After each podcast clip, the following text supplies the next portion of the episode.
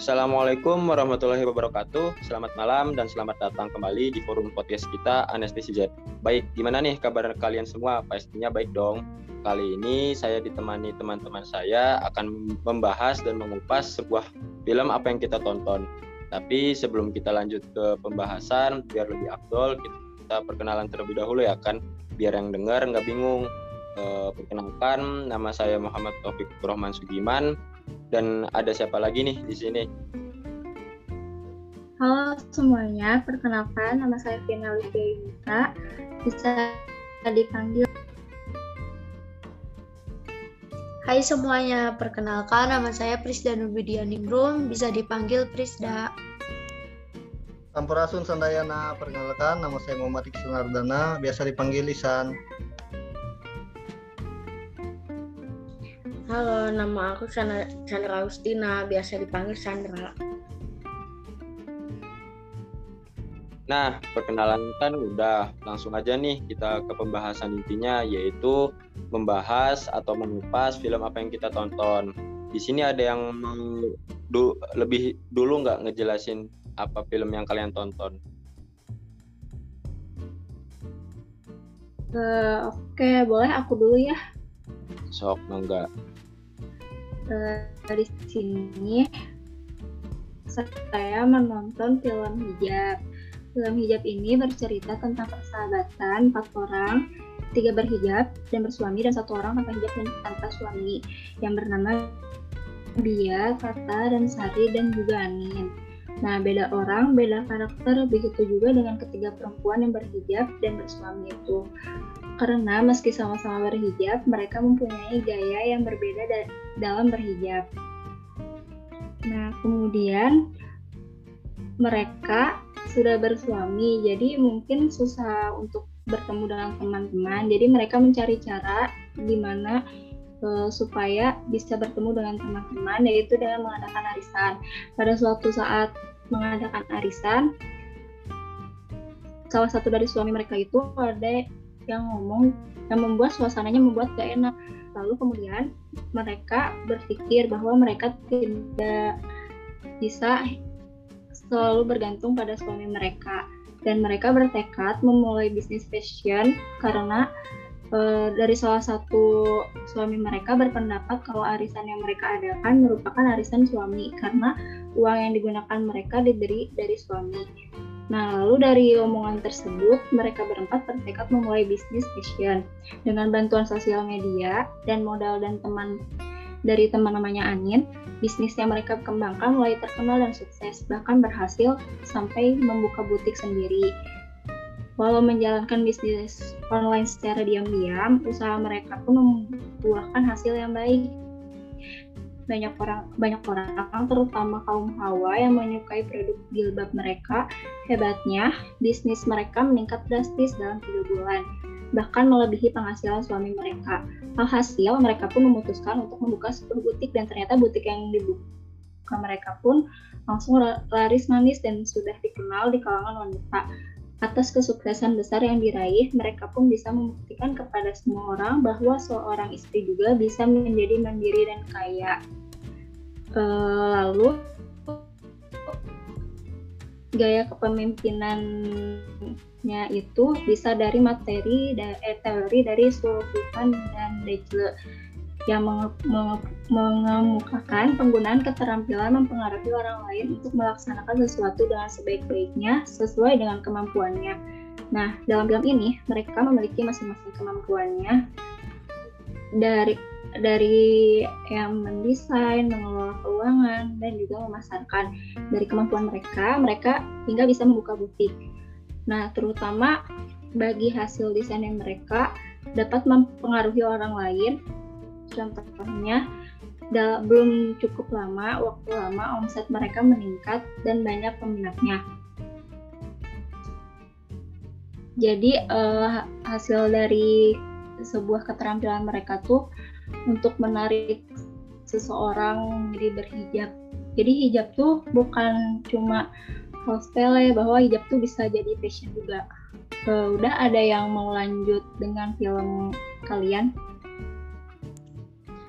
Nah, sekarang tinggal bagian film aku ya.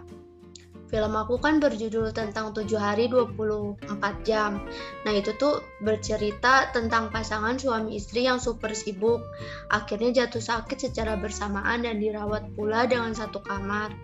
Berawal dari pingsannya sutradara film terkenal yang bernama Tio di lokasi syuting dan difonis menderita penyakit hepatitis A. Dan Tio pun mau tidak mau harus dirawat inap hingga waktu yang tidak tentu sehingga membuat sang istri yang bernama Tania seorang manajer handal di salah satu perusahaan turun tangan juga. Dengan kesibukan pekerjaannya harus menjalani ritme kehidupan yang bertambah dan membuat dirinya juga ke kelelahan dan membuat dirinya tumbang juga dengan dan didiagnosis dokter e, menderita sakit tipes dan harus dirawat inap juga. Dokter Hengki yang menangani mereka berdua meminta mereka untuk istirahat total dan tidak boleh bekerja. Hal ini membuat mereka merasa sulit untuk meninggalkan pekerjaan masing-masing. Namun, keduanya ternyata memiliki rahasia masing-masing dan rahasia itu membuat mereka saling baku hantam dengan usia hubungan pernikahan mereka yang beranjak lima tahun. Masalah teruji saat keduanya masuk rumah sakit bersamaan selama 7 hari 24 jam. Awal yang tadinya hubungan mereka mesra namun bertolak belakang dan tidak disangka oleh keduanya malah menimbulkan konflik antara mereka berdua.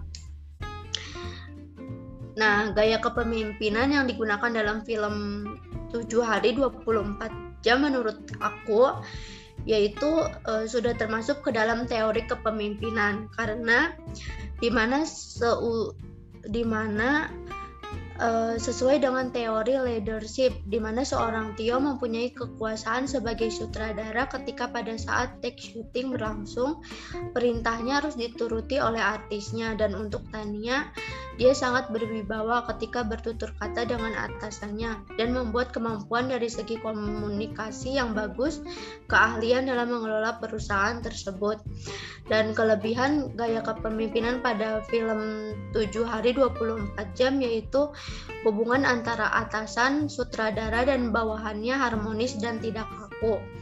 Sedangkan kelemahan gaya kepemimpinan film 7 hari 24 jam yaitu akan memicu konflik apabila keputusan yang tidak diambil tidak sesuai. Dan e, gaya kepemimpinan film 7 hari 24 jam itu juga sudah sesuai dengan teori karena e, kepemimpinannya sudah ditetapkan dalam film 7 hari 20 27 hari 24 jam sesuai dengan teori leadership Marquis dan Houston, teori behavioral, di mana Tio seorang bawahan namun karena semangat da dari Tania istrinya dan selalu meyakinkan dirinya sehingga membuat Tio menjadi seorang sutradara yang terkenal. Nah, kalau film dari aku segitu teman-teman. Barangkali ada yang mau ngebahas lagi, silakan. Baik, eh, mungkin selanjutnya aku ya guys. Jadi Isan ke bagian film dengan judul Ford versus Ferrari. Film ini menceritakan bagaimana perancang otomotif Carroll Shelby dan pembalap mobil Ken Miles memimpin tim dan perancang Amerika Serikat dari Ford untuk membuat mobil balap yang dapat mengalahkan Ferrari. Uh, akhirnya mereka memproduksi Ford GT40 untuk pertandingan di Le Mans 24 jam pada tahun 1966. Film ini berdurasi selama 152 menit dan berdasarkan kisah nyata yang luar biasa dari Carroll Shelby. Hmm, juga menurut saya gaya kepemimpinan dalam film tersebut ada dua macam, yaitu yang pertama ada gaya kepemimpinan laissez-faire, yaitu pemimpin memberikan kebebasan bertindak, menyerahkan perannya sebagai pemimpin kepada bawahan tanpa diberi petunjuk atau bimbingan serta pengawasan. Nah, jadi di sini terdapat contoh scan yaitu ketika manajer marketing di Ford yang bernama Lee Lakoka bertemu dengan pemimpin Ford yaitu bernama Henry Ford II dengan memberikan saran kepada Henry untuk menemui pihak Ferrari untuk keperluan bisnis dan kemudian Henry pun menyerahkan semuanya kepada Lee. Dan keesokan harinya, Lee langsung pergi ke pabrik Ferrari dan menemui Enzo Ferrari untuk kesempatan kerjasama. Selanjutnya yang kedua yaitu terdapat gaya kepemimpinan situ, situasional yaitu pemimpin yang bersikap pada situasinya, kapan harus memaksa dan harus moderat, serta pada situasi apa harus memberikan kebebasan kepada bawahan. Jadi di sini terdapat contoh scan yaitu ketika si Ken mendengar perdebatan antara Shelby dan Leo, Dan setelah selesai berdebat, Selby menemui Ken. Lalu Selby pun memberikan sebuah pilihan ke tangan Ken. Nah, itu teman-teman film yang Isa nonton. Jadi mungkin ada yang lain dari teman-teman semua. Baik, aku akan ngejelasin ngebahas tentang film A Beautiful Day in the Neighborhood. Nah, film ini menceritakan sebuah episode dari acara Mr. Roger Neighborhood di mana Fred memperkenalkan teman barunya yaitu Lloyd. Lalu diperkenalkan dengan Lloyd yang bekerja sebagai jurnalis majalah Esquire di tahun 1998. Artikel yang ditulisnya cenderung penuh kesinisan dan dia dikenal dengan ciri khas tersebut. Dalam sebuah acara pernikahan adiknya, Lloyd bertemu dengan ayahnya, yaitu Jerry Vogel yang selama ini bermasalah dengan dirinya karena ayahnya itu pergi meninggalkan keluarganya demi bersama wanita lain. Tentu saja hal ini mengganggu sisi psikologis Lloyd yang sedang berusaha menjadi ayah bagi anaknya yang masih bayi. Di situ eh, pertengkaran mulut yang berakhir dengan baku hantam itu meninggalkan luka di wajah Lloyd yang menyebabkan banyak orang bertanya kepadanya. Dan kecelakaan saat olahraga selalu menjadi alasannya. Lloyd mendapat uh, tugas dari editornya untuk mewawancarai Fred Roger untuk artikel bertema pahlawan dan membuatnya harus terbang ke Pittsburgh untuk bertemu dengan Fred di studionya.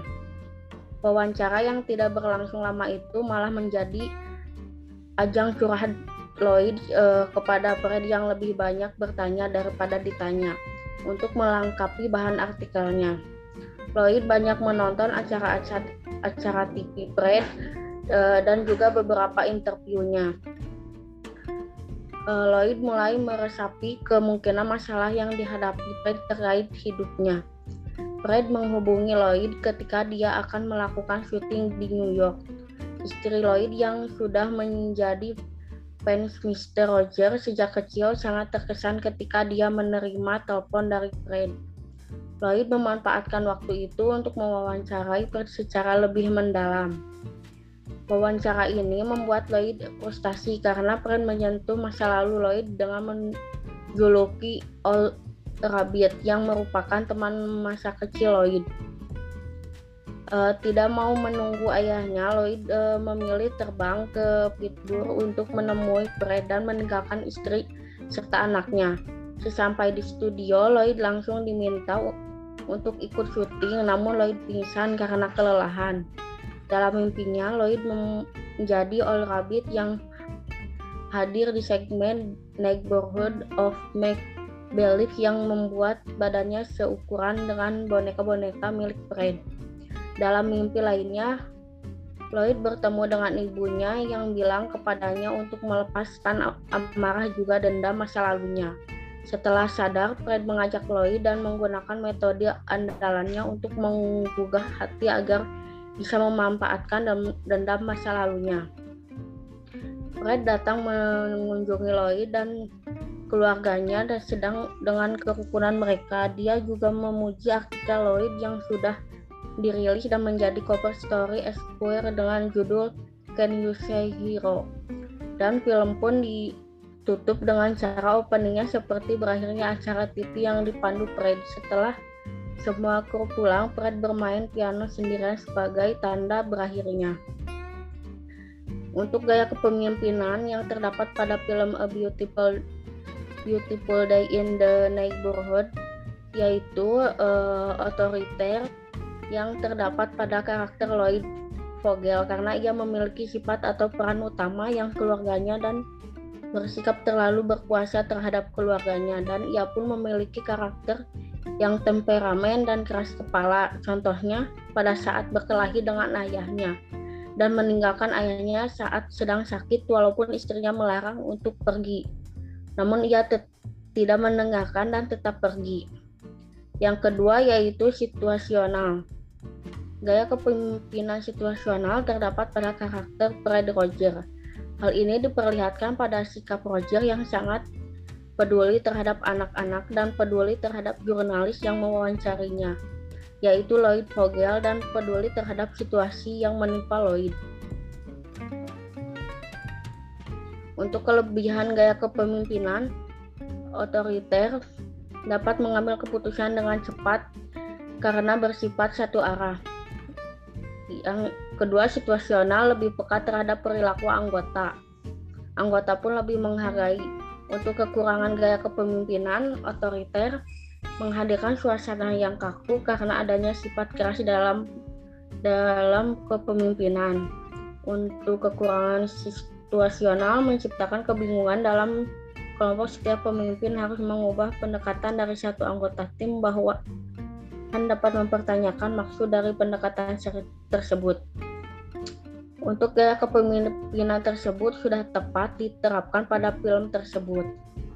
Uh, karena sesuai dengan karakter yang ditampilkan dan memiliki tipe kepemimpinan yang berbeda, sehingga menjadi film tersebut terlihat lebih natural dan tidak terkesan terlalu dramatis. Akan tetapi tidak ada gaya kepemimpinan yang mendomisili pada film tersebut. Mungkin segitu pembahasan film yang sudah saya tonton. Nah, sekarang mungkin giliran aku nih teman-teman. Cuman mungkin cerita dari aku lumayan panjang. Jadi tadi aku nonton film Habibi dan Ainun yang rilis tahun 2012. Film ini menceritakan Habibi seseorang yang jenius yang ingin mewujudkan impiannya membuat pesawat untuk negeri tercintanya yaitu Indonesia. Pada tahun 1959 eh, di Jerman, seorang Habibi yang sedang menyelesaikan tugas akhirnya diberi kesempatan bekerja sama dengan perusahaan kereta api di Jerman. Dan Habibi juga dipercaya menjadi pemimpin pada proyek tersebut. Habibie melakukan tugas awalnya dengan menjelaskan rencananya dan membuat orang yang di sana terpukau sebelum akhirnya Habibie terpingsan dan dinyatakan terkena penyakit TBC. Lalu cerita pindah ke Bandung. Ketika Habibie pulang kampung dan di mana pada saat itu Habibie sedang disuruh orang tuanya untuk mengantarkan kue ke rumah Ainun kawan kawan SMA-nya dulu. Dan pada saat itu juga Habibie kembali bertemu dengan Ainun setelah sekian lama tak bertemu uh, dan Habibi pada saat itu juga merasakan tumbuhnya buih-buih cinta ke Ainun padahal waktu SMA Habibi suka mengejek Ainun dengan sebutan jelek dan gula Jawa. Kemudian uh, esok harinya Habibi kembali mengunjungi rumah Ainun. Pada saat itu juga uh, udah banyak laki-laki yang mencoba mendekati Ainun. Namun pada saat itu juga ayah Ainun menyuruh Ainun untuk jalan-jalan mengelilingi kota Bandung bersama Habibi. Ketika itu juga Ainun menceritakan semasa dulunya ketika ibunya membantu melahirkan seorang anak dan baju ibunya terdapat sisa-sisa darah. Uh, dan pada saat itu juga Habibi uh, sudah mulai berani uh, mengungkapkan isi hatinya dan mengajak Ainun untuk nikah dengannya dan uh, ikut hidup di Jerman uh, hingga akhirnya mereka menikah dan berangkat Jerman ke Jerman bersama. Lalu pada tahun 1963, Ainun sedang hamil anak pertamanya dan Habibi sedang bekerja di perusahaan kereta api, di mana Habibi sering diremehkan karena Habibi sendiri adalah uh, insinyur pesawat, bukan kereta api. Tapi akhirnya Habibi bisa membuktikan keahliannya dengan berhasil mencoba penelitiannya dengan baik dan membuat kembali orang di sekitarnya terpukau dengan kejeniusannya. Dan pada esok harinya, uh, Habibie langsung mengirim surat ke industri pesawat di Indonesia untuk ikut serta mengabdikan jasanya. Namun setelah mendapatkan surat balasan, Habibie mendapatkan penolakan. Di situ Habibie merasa sedih, namun pada saat itu juga Ainun memberikan kebahagiaan dengan menyatakan kembali mengandung untuk anak keduanya. Dan Habibie pun merasakan kesenangannya kembali.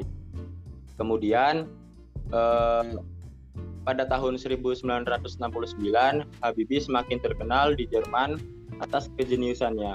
Dan pada saat itu juga eh, kedutaan Indonesia mengajak Habibie untuk membuat pesawat untuk Indonesia dan Habibie pun mensetujuinya. Setelah pulang ke Indonesia, Habibie melanjutkan misinya dalam pembuatan pesawat, di mana Habibie juga melakukan kerjasama dengan negara lain untuk kelancaran misinya. Pada saat proses pembuatan eh, pesawat, Habibi banyak mengalami e, banyak rintangan, namun Habibi berhasil melewatinya dengan baik. E, hingga akhirnya Habibi dan anak bangsa berhasil membuat pesawat pertama buatan Indonesia, yang juga sekaligus dilakukan percobaan penerbangannya. Di mana pada saat itu uh, dihadiri oleh Presiden Soeharto dan juga disiarkan secara live di televisi Indonesia. Percobaan penerbangan pesawat tersebut berhasil dilakukan dengan baik. Uh, setelah beberapa waktu kemudian, Habibie dinyatakan menjadi wakil presiden Soeharto. Namun pada saat itu juga banyak konflik yang terjadi di Indonesia hingga akhirnya Presiden Soeharto memundurkan diri dan digantikan dengan Habibie menjadi presiden utama. Pada saat Habibie menjadi presiden, banyak konflik yang muncul salah satunya mengenai pilihan untuk orang timur eh, apakah ingin tetap gabung dengan Indonesia atau memilih merdeka. Seiring jalannya waktu, Habibie mendapatkan penolakan atas ajuannya dan Habibie pergi eh, untuk menemui pesawat buatannya dan merasa sedih karena uh, proses pesawat tidak dilanjutkan. Pada saat itu juga Ainun mendatangi mendatanginya dan mencoba men menenanginya. Lalu pada saat 2010 kondisi Ainun semakin memburuk dan Habibie memilih membawanya ke Jerman untuk pengobatan istrinya. Namun segala usaha tidak bisa melawan takdir yang akhirnya Ainun meninggal dunia dan jasad Ainun kembali dibawa ke Indonesia untuk dimakamkan di makam pahlawan dan filmnya pun selesai teman-teman mungkin itu aja sih dari saya. Apakah dari teman-teman ada lagi? Sudah cukup kayaknya Pik cukup ya? Uh, kalau cukup mungkin itu saja teman-teman pembahasan dari kita berlima mengenai film uh, film yang kita tonton. Semoga untuk kalian yang mendengar podcast ini dari awal hingga akhir bisa memahami dan mengambil sisi positifnya ya dari pembahasan kita tadi. Nah, bener tuh. Dan terima kasih juga kepada kalian semua yang udah denger podcast pembahasan kita dari awal sampai akhir. Maaf banget kalau ada salah kata dalam penyampaian kita tadi. Semoga pembahasan kita tadi bisa dinikmati oleh kalian semua ya. Jangan pernah bosan dengan podcast kita ya teman-teman. Kurang lebihnya mohon maaf. Sekian terima kasih dan wassalamualaikum warahmatullahi wabarakatuh. Waalaikumsalam warahmatullahi wabarakatuh. Waalaikumsalam warahmatullahi wabarakatuh. Bye. Bye. Bye.